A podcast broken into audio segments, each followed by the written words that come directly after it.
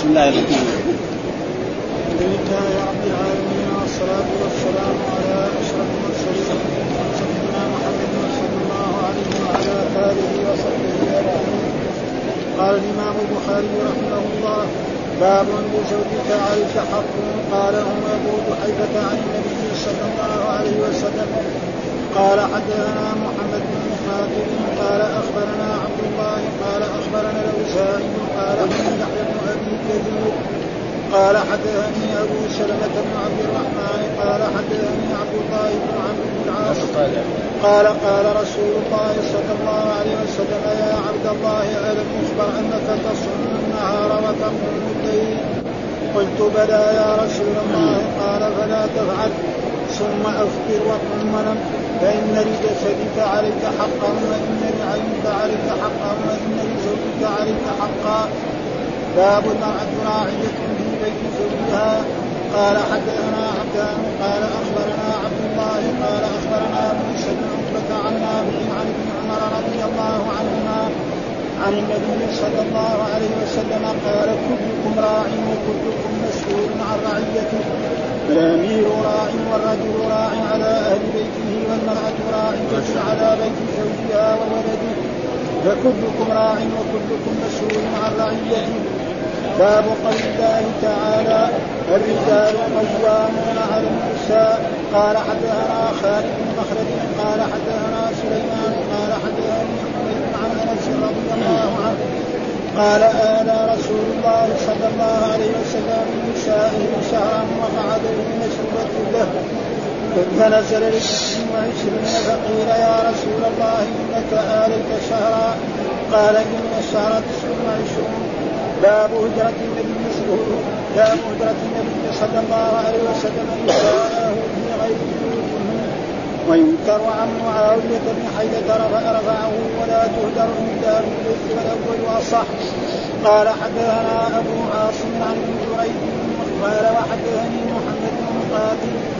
قال أخبرنا عبد الله قال أخبرنا ابن جريج قال أخبرني يحيى بن عبد الله بن صيد أن عكرمة بن عبد الرحمن بن الحارث أخبره أن ابن سلمة أخبرته أن النبي صلى الله عليه وسلم حلف لا يدخل على بعض نسائه شهرا فلما مضى تسعة وعشرون يوما غدا غدا عليهن أو راح قيل له يا نبي الله حلفت أن لا تدخل عليهن شهرا؟ قال إن الشهر يكون تسعة وعشرين يوما قال حدثنا علي بن عبد الله قال حدثنا مروان بن معاوية قال حدثنا أبو يعقوب قال تذاكرنا عند الذي الضحى فقال حدثنا ابن عباس قال أصبحنا يوما ونساء النبي صلى الله عليه وسلم يبكين عند كل امرأة منهن أهلها. فخرجت إلى المسجد فإذا هو ملآن من الناس فجاء عمر بن الخطاب فصعد إلى صلى الله عليه وسلم وهو في غرفة له فسلم فلم أحد ثم سلم فلم أحد ثم سلم فلم أحد فناداه فدخل على النبي صلى الله عليه وسلم فقال أطلقت نساءك فقال لا ولكن آليت منهن شعرا فمكث تسعا وعشرين ثم دخل على نسائه باب ما يكره من ضرب النساء وقول الله تعالى وضربوهن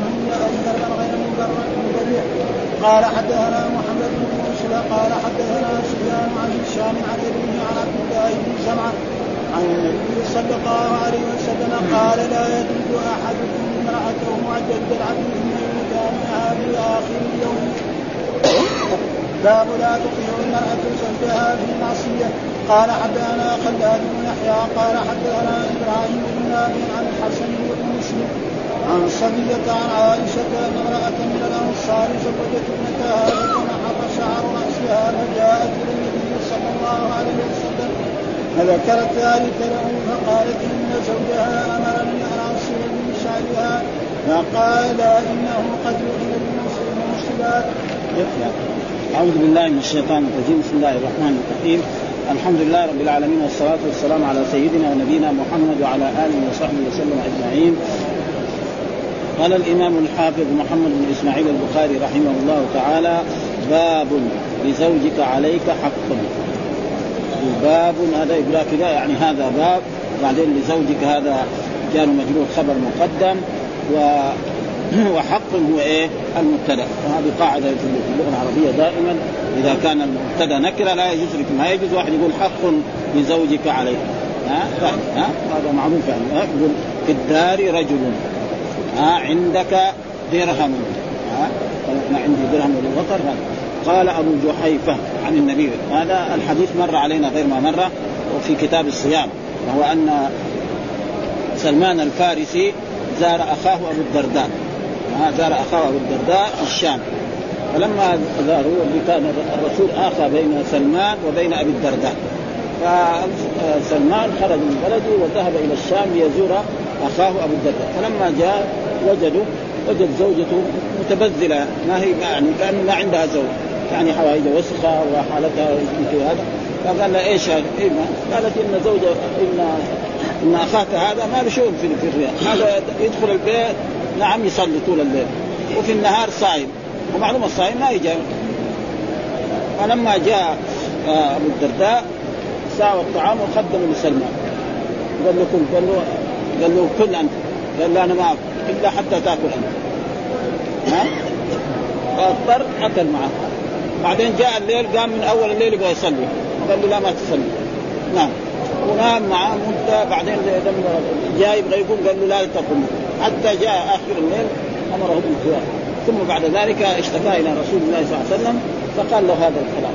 ها؟ هذا ما هو. الحديث تقدم لنا غير ما مر في دراستنا.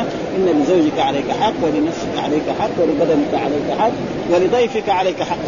ضيف مثلا يجيب ها؟ تقدم له الطعام وتروح هناك تصلي ما إيش الفائدة؟ يبطل يخرج من البيت ها؟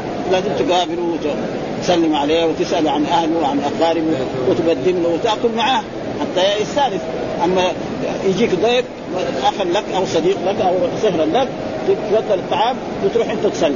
ولا تقول له أنا صائم. ها؟ هو يعني فلذلك هذا الحديث مر عليه. قال أبو جحيفة عن النبي صلى الله عليه وسلم وهو قصة إيه؟ سلمان مع أبي الدرداء. فسلمان مع أبي الدرداء لما جاء أبو آه، سلمان إلى الشام ورجل أبو الدرداء وجد زوجته متبذلة. يعني ما عندها ثياب ولا شيء. إيش السبب؟ قال إن هذا إن أخاك ما له شغل في النساء. هذا طول الليل يصلي والنهار صايم. ومعلوم الصايم.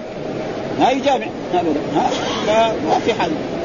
فأعطاه ثم سأل فقال صدق سلمان قال للرسول لما اخذ الرسول قال صدق سلمان هذا معناه لزوجك عليه قال حدثنا محمد بن مقاتل قال أخبرنا عبد الله بن مبارك أخبرنا الأوزاعي قال حدثني يحيى بن أبي كثير قال حدثني أبو سلمة بن عبد الرحمن قال حدثني عبد الله بن عمرو بن العاص. ها قصة عبد الله بن عمرو بن العاص كذلك مرت كثير في صحيح البخاري. قال يا عبد الله ألم أخبر أنك تصوم النهار؟ ها ألم لأن أن عبد الله بن عمرو بن العاص عمرو بن العاص زوج ولده عبد الله بن عمرو. فلما زوجوا يعني هذا مو متوجه للمرأة. يجي المرأة ولا يطالع ولا ينظر فيها. يصلي في الليل وفي النهار صايم فما رأى بهذا فسأل قال يا عبد الله ألم أخبر أنك تصوم النهار؟ أنت دائما يعني كل الشهر صايم أو كل السنة صايم. وتقوم الليل. من أول ما يجي بعد العشاء يقوم الليل. ولما يجي الفجر يصلي. مع المسلمين هذا ما في شك. قلت بلى يا رسول نعم. قال فلا تفعل. ها؟ صم وافطر. صم أفطر. حتى في أحاديث تقدمت لنا قال الرسول صم من كل شهر ثلاثة أيام. قال لا أنا أستطيع أكثر من ذلك. قال له طيب صم اثنين وافطر يوم. قال أنا أخيرا قال له صم يوما وافطر يوم. وهذا لا أفضل منه. ها وهو صيام داود عليه السلام. أما يصوم يوم فهذا أفضل شيء. أفضل من هذا من صام الدهر فلا صيام له. واحد يصوم طول السنة يصير شيء عادي. ما في تعب. ها؟ ها؟ فلذلك فقال له وقم ونم. قم في الليل وللصلاة وللتهجد ونم كذلك. قم. قم ونم. ها؟ فإن لجسدك عليك حقا. هذا فإن لجسدك عليك برضو لجسدك هذا خبر إن مقدم خبر إن مقدم وعليك وحقا هذا هو الاسم ها؟ وهذا من القواعد كذلك أنه دائما لا يجوز تقدم الاسم آه الخبر على الاسم في إن وأخواتها إلا إذا كان جارا ومجرور أو ظرفا. بغير هذا ما يجوز. واحد ما يقول مثلا إن قائم محمدا. ما يصير ها؟ إلا إذا كان إن في الدار محمدا إن في ذلك لعبرة إن لدينا أنكالا وهكذا. أما غير هذا ما يصح. وإن لعينك عليك حقا برضو عليك هو الخبر المقدم لإن وحقا هو وإن لزوجك عليك حقا. لأن هذه الزوجه ما يطالع فيها ولا ينظر فيها اذا جاء في الليل يصلي طول الليل. ها وفي النهار كصائم فما فالزوجه هذه تضيع. ها والزوجة لها حق. لها إيه يتصل بها ويجامعها ويستانس بها ويكلمها ويأكل معها ويشكها فلذلك الرسول أخبره بهذا وهذا الحديث يعني تقدم. غير ما مر. قال أبو جحيفة وهو طرف من حديثهم في قصة سلمان وأبي الدرداء وقد مضى وصولا مشروحا في كتاب الصيام ثم ذكر بعض حديث عبد الله وذلك قد تقدم شرحه أيضا. ولما ذكر في الباب قبله حق الزوج على الزوج ذكر في هذا عكسه انه لا ينبغي أن يجد بنفسه في العبادة حتى يضعف عن القيام بحقها من جماع واكتساب هناك الأحاديث لنا ذكر إيه؟ حق الزوجه على الزوج. ها أن الزوجه عليها حقوق لازم تؤديها للزوج. وكذلك هنا في هذا ذكر إنه كذلك مو بس الزوجة هي يعني الزوج. الزوجه لها حقوق على الزوج لا كذلك الزوج له حقوق عليه يعني لازم يؤدي الحقوق. ها فإن للزوج على الزوج حقوق. ومن هذه الحقوق إنه إيه يعني يجلس معها ويجالسها ويجامعها ويتصل بها اتصالا جنسيا. ويقابلها أحسن مقابل أما بس يصلي طول النهار وهذا فيه دليل على انه الإنسان لا يمكن واختلف في في العلماء في من كف عن جماع زوجته فقال مالك إن كان بغير ضرورة ألزم به. يعني لازم لازم يجامع يتصل ها؟ أو يفرق بينه. ونحوه ونحوه عن أحمد والمشهور عن الشافعيه أنه لا يجب. وقيل يجب مرة وعن بعض السلف في كل أربع ليلة في كل أربع ليالي ليلة هذا صعب على الرجال. ها؟ يعني يقول في كل أربع ليالي لازم يجامعها مرة. هذا يمكن الناس شباب يقدروا يسووا هذا. ها؟ وعن بعض في كل طهر مرة. في كل طهر مرة يمكن هذا. وفي كل ما والحاصل يعني الجماع كالحاجة. وقت ما يحتاج يعمل هذا هذا. ثم ذكر باب المرأة راعية باب المرأة راعية في بيت زوجها. برضو هذا يقرأ كذا باب. هذا باب مبتدأ وخبر بعدين المرأة راعية في بيت زوجها. المرأة راعية في بيت في بيت يعني إيه؟ تحفظ ماله وتحفظ نفسها وتحفظ أولاده وتحفظ جميع ما عنده من هذا ولا تدخل في بيته يعني شخصا يكرهه. نعم. وتحافظ على عرضها وعلى عرض أو بناته وهذا يجب عليها. فجاء في الحديث قال حدثنا عبدان قال أخبرنا عبد الله قال أخبرنا موسى بن عقبة عن نافع عن ابن عمر رضي الله عنهما عن النبي قال كلكم راع يعني كل مسلم راع.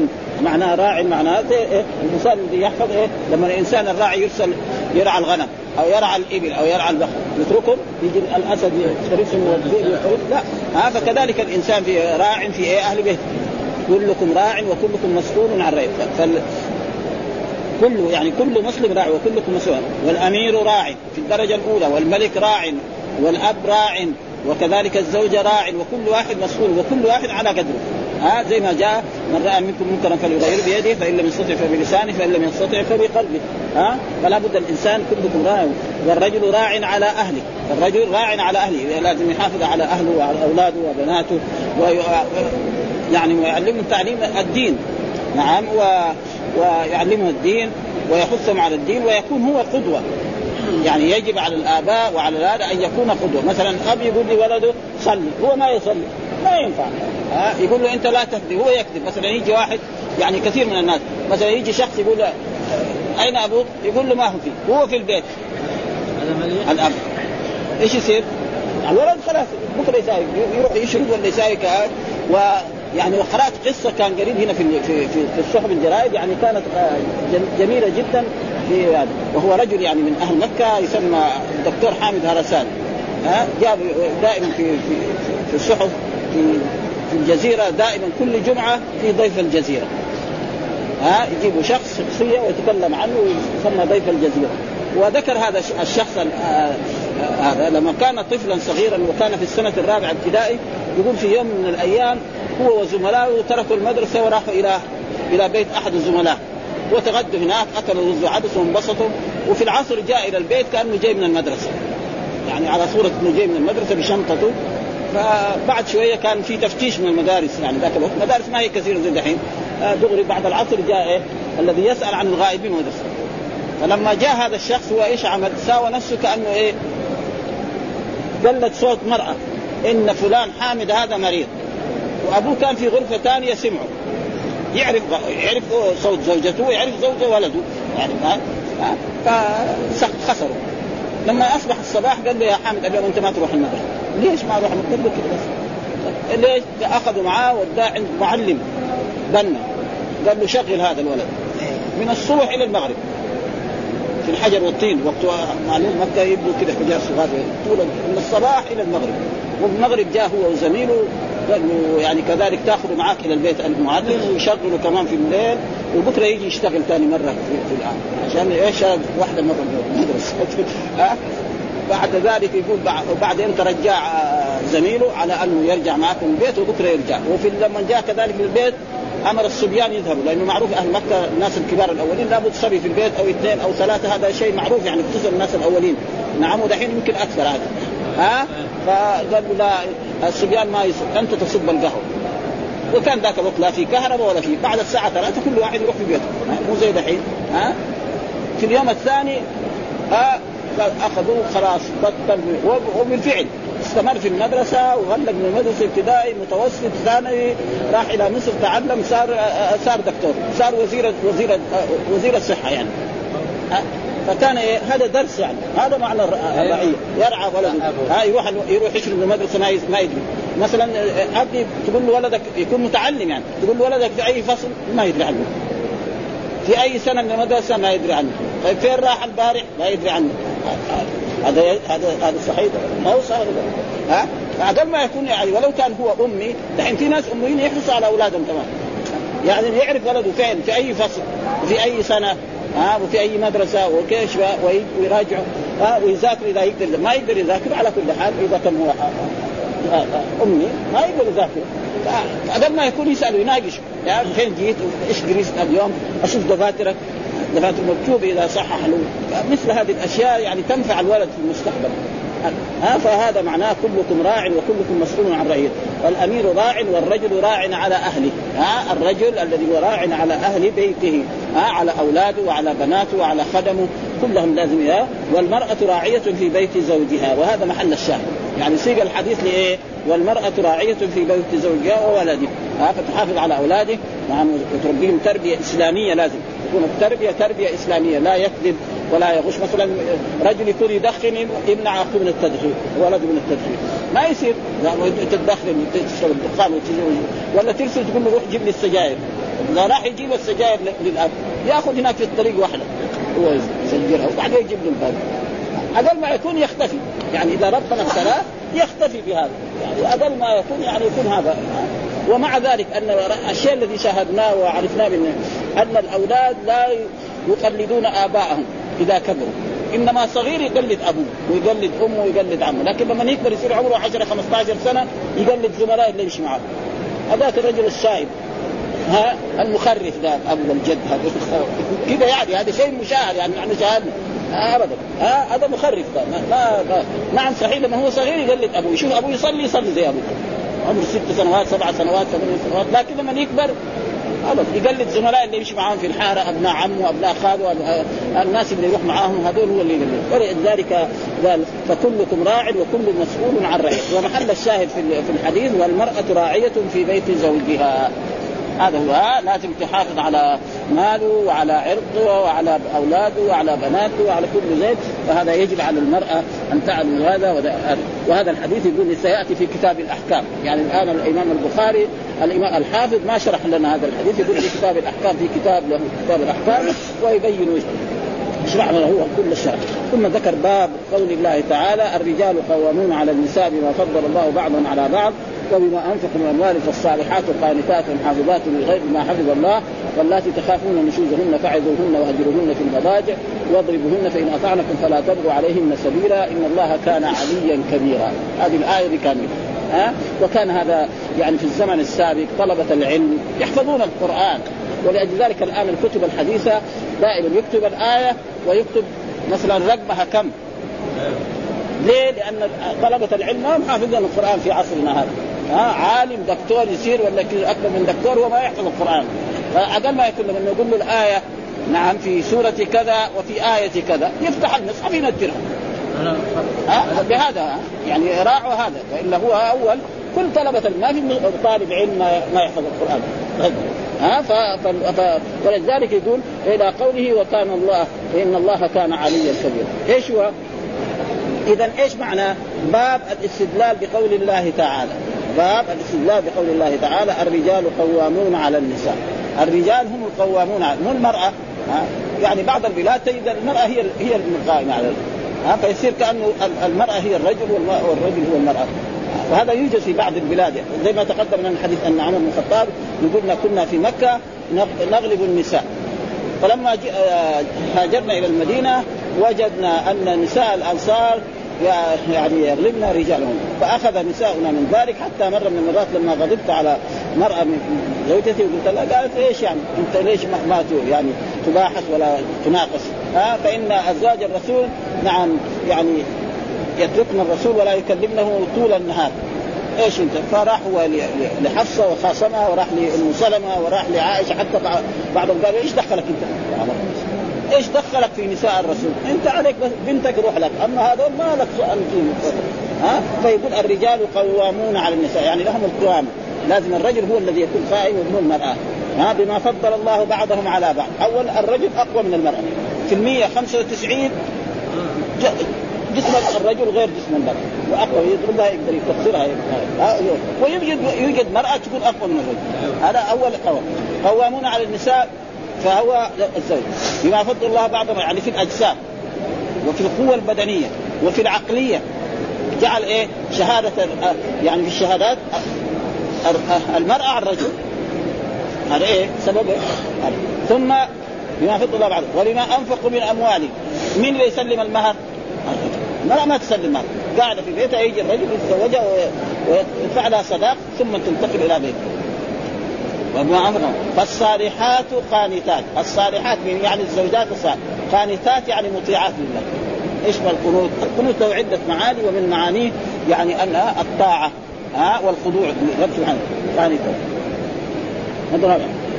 والصالحات قانتات حافظات للغيب. يعني يحفظن إيه؟ يحفظن الرجل ويحفظن عرضه ويحفظن بيته. الصالحات قال حافظات بما حفظ الله واللاتي تخافون نشوزهن واللاتي تخافون نشوز فعظوهن يعني المرأة إذا كانت تعدت على الرجل وكانت لا تسمع كلامه وكانت تجادله وتعالى فاعظوهن واحذروهن في المضاجع. يعني لك أن إيه واهجرهن في المضاجع. يعني إذا زعل الرجل من زوجته له أن يهجرها في لا ينام معها في الفراش يتركها. يوم يومين هي تتألم من ذلك. نعم. طيب إيش الهجر هذا في المضاجع؟ فسره هنا الحافظ بعدة تفاسير فهجره في المضاجع أنه لا يجامعها. هذا التفسير. في تفسير آخر يهجرها في المضاجع نعم يدخل ولا يكلمها. ها؟ ويهجرها في المضاجع إذا نام معها في الفراش يعطي لها يعطيها ظهره. ها؟ وهذا كله ألم. و والأحاديث اللي يريد مو بس هجر في المضاجع له أن يهجرها فيها يترك البيت يخليها في البيت لحالها. أيام مثل ما فعل الرسول صلى الله عليه وسلم لما آل على نسائه شهرا. ها فإنه جلس في مشربة في غرفة هناك وترك نساءه شهرا ما يدخل عليهم ها فإذا الهجر ليس معناه. يعني بعض العلماء قالوا الهجر لازم يكون في المضجع الإمام البخاري أراد يثبت أن الهجر مو لازم يكون في المضجع لا يكون في المضجع وفي غيره. ها يروح يترك البيت لها مدة أيام. ها ها فلذلك أتى بهذه الآية. ها ها؟ المضاجع ها؟ أو يضربه في المضاجع اي بعدين هذا واضربوهن واضربوهن هذا في الآخر. ها واضربوهن فإن أطعنكم فلا تبغوا عليه. يعني ضرب غير مبرح كما سيأتي في الحديث يضربها ضرب إيه؟ خفيف. المراه ما يضربها ضرب. كما جاء في الحديث اللي بعده يعني لا يضرب أحدكم زوجته أو امرأته ضرب العبد أو ضرب البعير ثم بعد ذلك في آخر الليل يقول لها تعالي ها يصالحها عشان يبغى يتصل بها اتصالا جنسيا. فما ينبغي. ها فإن كان لابد يضربها ضربا وسيأتي أحاديث أن الرسول نهى عن الضرب. ها نهى عن ضرب النساء. دائما ضرب النساء ما يعني لأن المرأة ضعيفة. وجاء في أحاديث الرسول وصى لما ختم في حجة الوداع قال إنهن عوان عندك، إيش معنى عوان؟ يعني اسيرات، المرأة ضعيفة مهما كانت لكن لسانها يمكن سايلة بايش ها؟ باللسان حقها صح هذا هذا ممكن. بلسانها تساوي لك شيء خصوصا يعني بعض النساء. يعني يمكن يعني بعض البلاد المرأة هي التي لو صوت يعني المصريين حقيقة الزوجة هي كل شيء. شيء مشاهد يعني ها؟ يعني ابدا هي التي تصرف يعني يمكن الرجل إذا كان موظف يستلم راتب ويسلمه للمرأة. وتعطيه مصاريف لجيبه هو عشان إذا قعد في القهوة أو جلس في المجلس وهي التي تتصرف هي التي تشتري المقاضي وهي اللي كل شيء هي الذي تفعل ها؟ وهذا شيء يعني مشاهد يعني ها؟ وكذلك يوجد حتى في بلادنا هنا. موجود مثل هذه الأشياء. فلأجل ذلك أراد الإمام البخاري أن يثبت أن يعني ليس معناه يعني يعني والرجال قومون بما فضل الله بعضهم على بعض وبما أنفقوا بالصالحات قانتات حافظات بما حفظ الله ولا تخافوا نشوزهن فعظوهن واهجروهن في المضاجع. بس الهجر يكون في المضجع؟ لا. يكون الهجر في المضجع ويكون الهجر في غير المضجع. ها؟ ويريد بهذا لأنه بعض العلماء يقول لا ما يهجرها إلا في المضجع. ليس له أن يذهب إلى بيت آخر ويجلس هناك. ها؟ لازم يجيها كل يوم. و... ويكون لا فهجرها يزجها في المضجع والدليل على ذلك الحديث الذي أن الرسول آل من نسائه شهرا وتركهن وجلس في مشربته يعني غرفة صغيرة وجلس هناك فيها مدة شهر كامل. ها فهذا في إيه؟ في غير المضجع يعني هو ترك البيت لهم. ها وهم كانوا تسعة نسوة. هذا ما يريده. فيقول الرجال قوامون على النساء ما فضل الله بعضهم على بعض. وبما انفق مال فالصالحات قانتات حافظات الغيب بما حفظ الله واللاتي تخافون نشوزهن. يعني ترجعون ها فاجروهن في واضربوهن فإن أطعنكم فلا تبغوا عليهن سبيل. إن الله كان عليا كبيرا. ها إن الله والدائم قلنا كان. إذا جاءت بالرب فمعناها ما زال ولم يزل. يعني بالماضي والحال والاستقبال. كان عليا كبيرا. كان في الماضي وكان في الحال وكان في الاستقبال. عليا بذاته وبقهره وبقدره. وكبيرا لا أكبر منه. ها؟ ولو سمينا المخلوق عليا وسمينا كبير فاللفظ واحد والمعنى مختلف كل الاختلاف. ثم إيش الدليل؟ قال حدثنا خالد بن مخلد قال حدثنا سليمان قال حدثني حميد عن أنس رضي الله تعالى قال آل. إيش معنى آل؟ حلف؟ ها؟ آل معناه حلف. ومن قول الله تعالى والذين يؤلون من نساء تربص أربعة أشهر. ها؟ ها؟ هذا معناه حلف. رسول الله من نسائه شهرا وقعد في مشربة. هذا محل الشاهد. مشربة. ها؟ يعني يريد الإمام البخاري يعني تركهم في إيه؟ في بيتهم وتركهم وجلس في غرفة هناك مدة شهر كامل. لا يدخل عليهن أبدا. ها؟ فنزل في 29 فنزل بعد 29 أول ما مر مر على عائشة. فكذلك عائشة أن الحبيب إذا غاب هذه المدة ما هي سهل. ورسول الله صلى الله عليه وسلم. نحن زوجاتنا لو تركناهم شهرا تتأثر المرأة. ها ابدا. فما بال رسول الله صلى الله عليه وسلم. لأن الرسول ما هو بس بتزوج لا في أشياء ثانية. ها فتسمع فقيل فقيل القائل من مبني للمجهول يعني مين اللي قائل؟ أول في الدرجة الأولى عائشة. وفي الدرجة الثانية عمر. تقدم لنا حديث بهذا. فقالت عائشة أنت حلفت تسعة شهرا. دحين 29 معناه أنت نسيت؟ أو هي تريد يعني. ها؟ إيه إيه. هذا قال إنك آليت شهرا وقال إن الشهر 29 يعني الشهر يكون 29 ويكون إيه؟ ثلاثة. وهذا معروف في إيه؟ ومحل الشاهد قال فيه إنك آليت وفي رواية المستولي هذا. ها؟ 29 ففهم من ذلك أنه يقول بعض بعض العلماء الذين شرحوا البخاري ها في وسياق الآية تظهر مطا... وسياق تظهر مطابقة الترجمة لأن المراد منها فقعدوهن واهجروهن في المضاجع. فهذا الذي يطابق قوله آل النبي صلى الله عليه وسلم عن نسائه شهر لأن مقتضاء أنه هجرهن أنه هجرهن. وخفي ذلك على الإسماعيلي فقال لم يتضح لي دخول هذه هذا الحديث في هذا الباب ولا تفسير الآية التي ذكرها. وقد تقدم شرح حديث أنس المذكور قريبا في آخر حديث عمر الطويل. وقول إنك آليت شهر وفي رواية المصطفى إذا الرسول إيه؟ ما هجرهن في المضاجع بل هجرهن في إيه؟ بعد ترك البيت مرة واحدة وتركهم في بيوتهم مدة. فإذا الهجر مو لازم يكون يعني إلا شهرا. ولذلك ذكر هنا في الحديث آه واهجروهن في المضاجع لا مفهوم له. وأنه يجوز أن آه وأنه تجوز الهجرة فيما زاد على ذلك كما وقع النبي صلى الله عليه وسلم من هجره لأزواجه في المشروبات وللعلماء في ذلك اختلاف آه ذكره آه أذكره بعد. ويذكر عن معاوية حيده فالمقصود هو هذا هذا في الحديث الثاني. وتقدم الذي ثم ذكر باب هجرة النبي صلى الله عليه وسلم نساءه في غير بيوتهن. عشان يعني هذيك إيه؟ هو واضح ها في غير بيوتهن الرسول الآن هجر نساءه في غير ترك جلس في مشربة وتركهن مدة شهر كان 29 يوم لا يدخل على واحدة منهن. فإذا القول آه واهجروهن في المضاجع. يقول هذا لا مفهوم له. ها إيش معنى لا مفهوم؟ يعني مو لازم يطبق. يعني هذا الغالب. يعني الرجل إذا زعل من زوجته فين يبغى يروح؟ يروح يروح الفندق ولا يروح القهاوي يجي في الليل ينام في بيته. يروح ينتقل من الغرفة التي كان ينام معها. يمكن هذا هذا موجود ها؟ إلا كان ينام معه في الغرفه يتركها ويروح محل آخر. أما يترك البيت مرة واحد لا. فإذا هذا يعني شأن وهذا موجود كثير في القرآن. مثلا من قول الله تعالى وربائبكم اللاتي في حجوركم من نسائكم اللاتي دخلتم بهن. روح واحد وربائبكم اللاتي في يعني ال ال ال ال إذا تزوج المرأة وكانت عندها بنت وكانت في حجر أمها حرام عليه لو كانت حجر في عند أبيها أو عند عمها يجوز زوجها؟ الجواب لا. خلاص. ها؟ بنت الزوجة لا يتزوجها أبدا إلى يوم وهذا شرط غالب. كذلك مثلا ولا تكرهوا فتياتكم على البغاء إن أردنا تحصنا. يعني إذا كان عنده جاريه تبغى تزني يخليها تزني لا. ها؟ ليس معناه إن أردنا تحصن فهذا معناه هذا هو الذي يريد. ثم باب هجرة آه، هجرة النبي صلى الله عليه وسلم نساءه في غير بيوتهن. ها؟ ويذكر عن معاوية بن حيدة رفعه. غير أن لا تهجر إلا في البيت والأول أصح. ها؟ والأول أصح وهو أن يجوز هجرة في غير الأرض ها؟ ويذكر. شوف دائما الإمام البخاري إذا علم شيء وقال يذكر معناه فيه ضعف. يعني دائما الإمام البخاري إذا قال يذكر يعني في إيه؟ يعني فيه ضعف. ما يكون يعني تعليق ما في ضعف يقول مثلا روي أو رأى فلان أو قال فلان فإذا قالوا يذكر معناه عن معاوية رفعه غير أن لا تهجر إلا في البيت. والصحيح أنه إلا والأول أصح وهو أنه يجوز هجران المرأة الزوجة في البيت ويجوز هجرانها في غير البيت.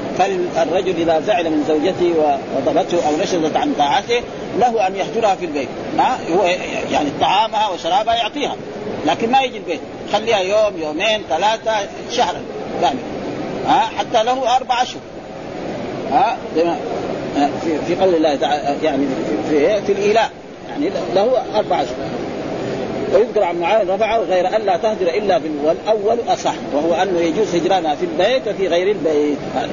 طيب إيش الدليل؟ قال حدثنا أبو عاصم عن ابن جريج حول الإسناد وقال حدثني محمد بن القاسم قال أخبرنا عبد الله قال أخبرنا ابن جريج أخبرني يحيى بن عبد الله بن صيفي أن عكرمة بن عبد الرحمن بن الحارث أخبره أن أم سلمة اخبرت أن النبي صلى الله عليه وسلم حلف لا يدخل على بعض أهله شهرا.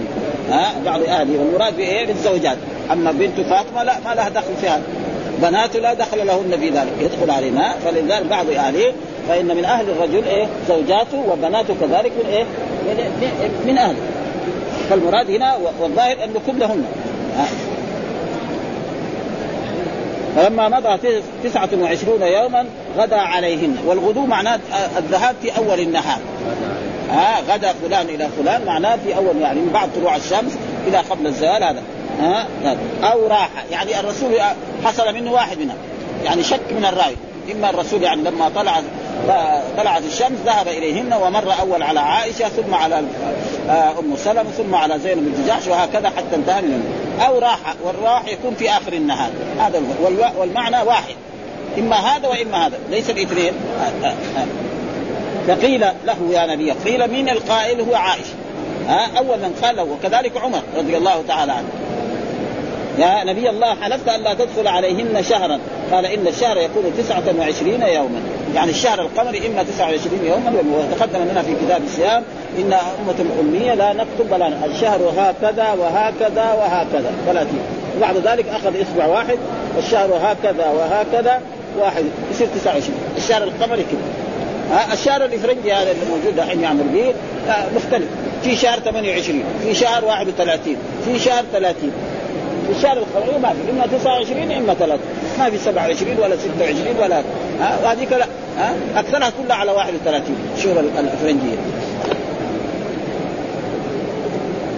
ثم ذكر حدثنا علي بن عبد الله قال حدثنا مروان بن معاوية حدثنا أبو يعقور قال تذاكرنا عند ابي الضحى فقال حدثنا ابن عباس أصبحنا يوما ونساء النبي صلى الله عليه وسلم يبكين عند كل امرأة منهن أهلها فخرجت إلى المسجد فإذا هو ملآن من الناس.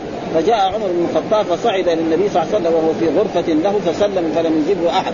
ثم سلم فلم يجبه أحد ثم سلم فلم يجبه أحد فناداه فدخل على النبي صلى الله عليه وسلم فقال أطلقت نساءك؟ فقال لا ولكن آليت منهن شهرا. فمكث تسعا وعشرين ثم دخل على نسائه. لفظ الحديث مثل الأول يقول هنا عن هؤلاء الأئمة علي بن عبد الله والمديني وحدثنا مروان أبو يعفور قال تذاكرنا عند أبي الضحى. ابي الضحى هذا يعني من التابعين فقال الضحى يعني جلسنا مجلس علمي وتذاكرنا عند قال حدثنا ابن عباس. قال أصبحنا يوما. يعني دخل علينا الصباح في يوم من الأيام ونساء النبي يبكين ومعلوم أن النساء لما يبكين الرسول قريب من الصحابة يبكين كل مرأة تبكي. علم أن الرسول آل عليهن وأنه لا يدخل عليهن شهرا كاملا يبكين عند كل امرأة منهن اهلها يعني اللي لها أم جاءت أمها عندها ولا عندها أخت جاءت أختها عندها ولا عندها أب جاء أبوها عندها. ها؟ عمر ذهب إلى حفصة وخاصمها ووبخها توبيخا شديدا. وكل واحدة يعني فالأمهات والأخوات والخالات والآباء والأجداد كلهم جاءوا فصار البيت يعني بيت الرسول يبكي. فخرجت إلى المسجد.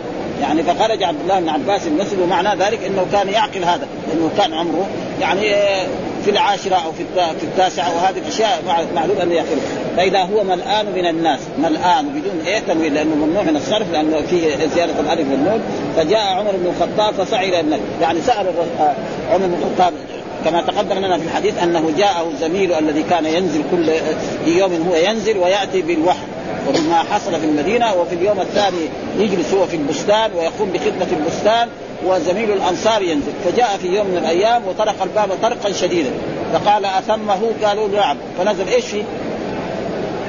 قال له هل يعني غسان جاءه؟ يعني يجي يغزو المدينة؟ قال له لا المسألة إن الرسول طلق أزواجه.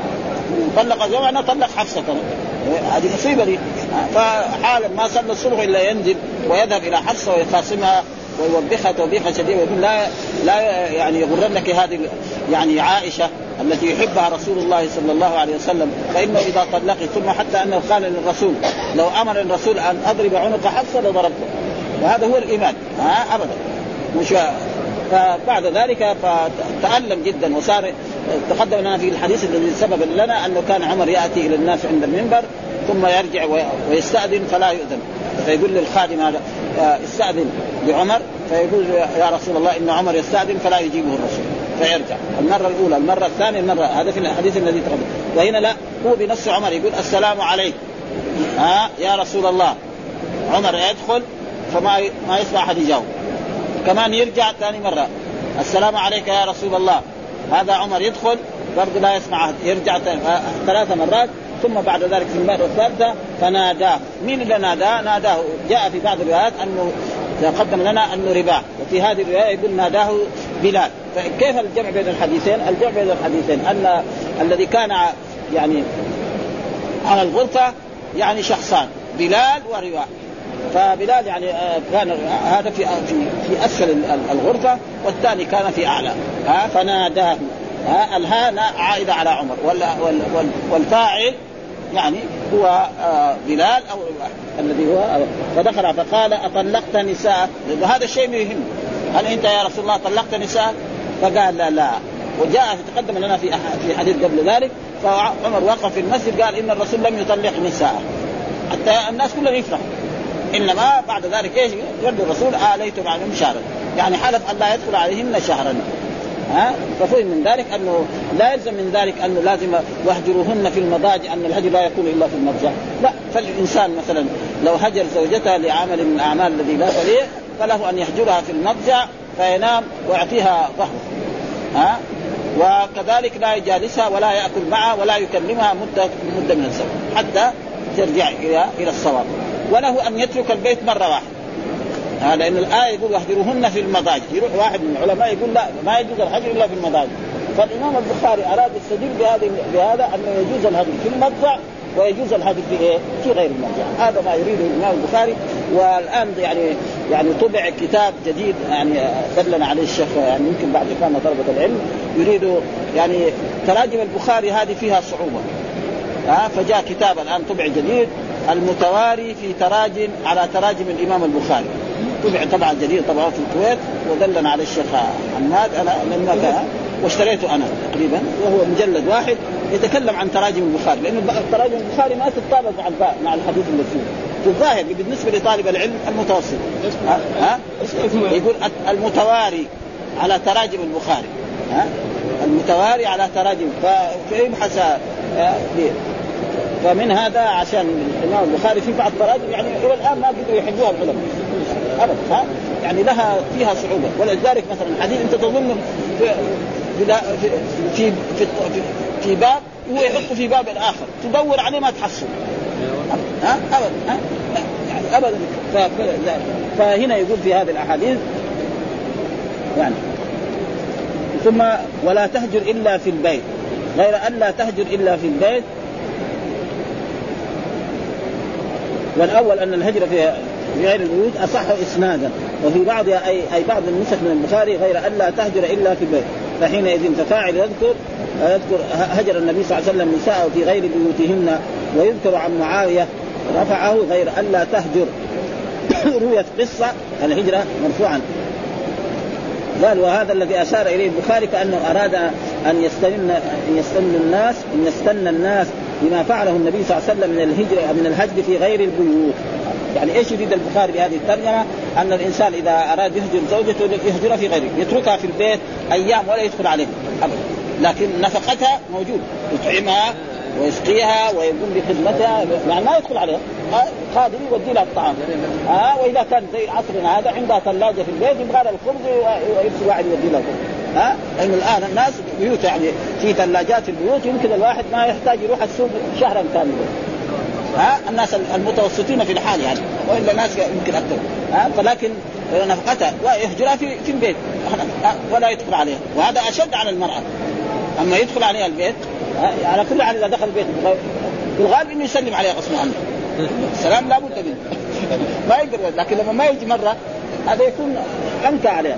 ولذلك يقول هنا ذكر يعني في هذه الأشياء يعني أشياء لطيفة. وإنما أراد أن الهجرة يجوز أن يكون في البيوت وفي غيره وأن الحصر المذكور في حديث معاوية ابن حيده يعني ولا تهجر إلا في البيت هذا يعني حصر. ليس المراد به هذا.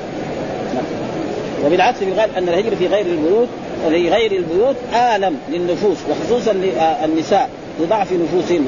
يعني يمكن تخاف من البيت. ها؟ ما في أحد يدخل عليها. خصوصا ما عندها أطفال ولا عندها شيء. واختلف أهل التفسير في المراد بالهجران. فالجمهور على أنه ترك الدخول عليهن والإقامة عندهن على ظاهر الآية. وهو وهو من الهجران وهو البعد. وظاهره انه أنه لا يضاجعها. وقيل المعنى يضاجعها ويوليها ظهره. وقيل يمتنع من جماعها. وقيل يجامعها ولا يكلمها. يعني وقيل وقيل اهجروهن مشتق من من الهجر ضم الهاء وهو الكلام القبيح. ها اغلظ لهن في القول لأن كلام الهجر معناه وقيل مشتق من الهجار وهو الحبل الذي يشد به البعير يقال هجر البعير أي ربطهم فالمعنى أوثقوهن في البيوت واضربوهن. قال الطبري وقراءه وقوام واستدل به.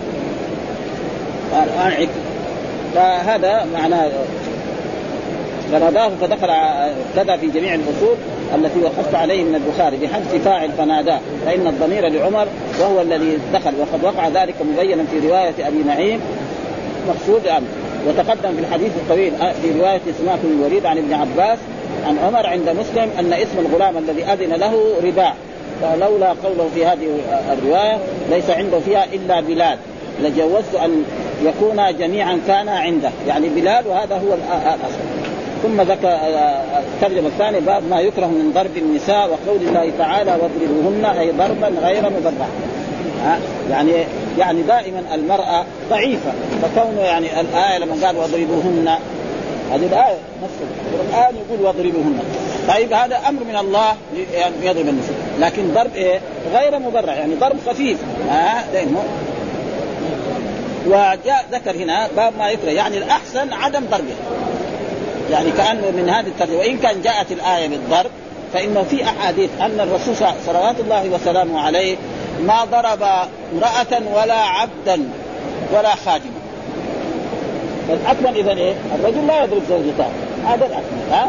وإن كان الله أمر بضربهن فالأحسن والأكمل لأن الرسول هو القدوة. الرسول ثبت عندنا في أحاديث صحيحة أن الرسول ما ضرب عبدا ولا امرأة ولا خادما. خلاص. فاذا إذا هذا هذا أعلى درجة. ومع ذلك جائز. والضرب هذا يكون ضرب إن كان لابد منه. يعني لنفس الآية يضربها ضرب خفيف. ها؟ ما يضربها. ولذلك أتى بالحديث لا مثلا آه لا يجد أحدكم امرأته جلد العبد. معلوم العبد إيه؟ قوي. ها؟ يمكن اذا إذا كان السيد ضعيف يمكن يضربه هو العبد. ها؟ وكذلك الأمة. نعم. فلا يضرب كذلك. جاء في بعض الأحاديث لا يضرب إيه أحدكم امرأته ضرب الأمة. ثم بعد ذلك يضطر بعد في آخر الليل يبغى يجامعها ومعلوم أن دائما الجماع والاتصال الجنسي لازم يكون عن محبة. ها؟ أما إذا يطلبها ويبغى يبغى تنفر منه فلا تقبل وبعدين وهو في حاجة إلى هذا. فإذا ما دام هو في حاجة إلى هذا يجاملها من أول مرة. لا لا يؤدي إلى هذه الانشقاق والخصومات هذه الكبيرة. ما يكره من ضرب. قول الله تعالى اي ضربا غير مبرح. يعني ضرب خفيف. طيب إيش الدليل؟ قال الحديث حدثنا محمد بن يوسف قال حدثنا سفيان عن هشام عن ابي عن عبد الله بن جمعه عن النبي قال لا يجلد. ها بالنهي لا يجلد. ها أحدكم امرأته جلد العبد ثم يجامعها في آخر اليوم. ها أو في آخر الليل. ها يكون يتخاصم معها في أول الليل وضربها ضرب خفيف ثم احتاج إلى الاتصال بها اتصالا جنسيا والجماعه فيقول له يناديها. فما هذا ما هو لائق هذا. قال فيه إشارة إلى أن ضربهن لا يباح مطلقا. يعني فيه إشارة إلى أن ضربهن لا يباح مطلقا بل فيه ما يكره كراهة تنزيه أو تحريم على ما سنفصله.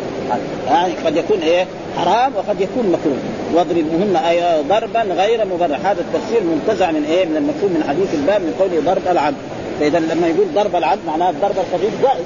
هذا الذي ها؟ لما يقول لا تضربوا ضرب العبد. فإذا ضرب خفيف معناه جائز. هذا الذي يفهم من إيه؟ من الآية. هذا ذكر حديث النسائي في آخر النهار وإليه أشار المصنف غير مبرح من سياق استبعاد وقوع الأمر الأمرين. ووقعت الإشارة إلى دم ذلك وأنه كان وإن كان لابد فليكون التأديب بالضرب اليسير بحيث لا يحصل منه النفور التام. فلا يفرط في الضرب في الضرب ولا يفرط في التأنيب في التأديب. قال المهلب بين الضرب اليسير بحيث لا يحصل منه النفور التام. فلا يفرط في الضرب ولا يفرط في قال وقد جاء النهي عن ضرب النساء مطلقا فعند أحمد وأبي داود والنسائي وصحابه بن حبان والحاكم من حديث إياس بن عبد الله بن أبي ذئب ابن دباب بضم المعجبه وبالموحدتين والأولى خفيفة لا تضربوا إماء الله. ها؟ هذا لا تضربوا إماء. فجاء عمر فقال ذئر النساء على أزواجهن. ذئر النساء معناه ينشزن ما تسمع كلام ها؟ كذا لأن المرأة هذا ها؟ فأذن لهم فضربون فطاف بآل رسول الله صلى الله عليه وسلم نساء كثير. يعني لما الرسول أذن في الضرب والآية أذنت بالضرب يقول فطاف نساء ولقد أطاف بآل رسول الله سبعون امرأة كلهن يشكين أزواجهن. يعني سبعين من النساء كل واحدة تجي تشتكي زوجها. زوجي ضربني البارح الثانية تجي تشتكي زوجي ضربني البارح زوجي ضربني. وبعد ذلك الرسول يعني يعني أمر بإيه؟ أنه لا, لا يفعل. ولا تجد ها ولا تجدون أولئك خياركم. لا تجدون أولئك يعني الرجل الذي يضرب زوجته هذا ليس من خيار الرجال ها ابدا ومن حديث ابن عباس من حديث ابن كلثوم أبي بكر ها فقيل هذا ويحتمل أن يكون النهي عن الاختيار وذلك فيه على الإباحة ويحتمل أن يكون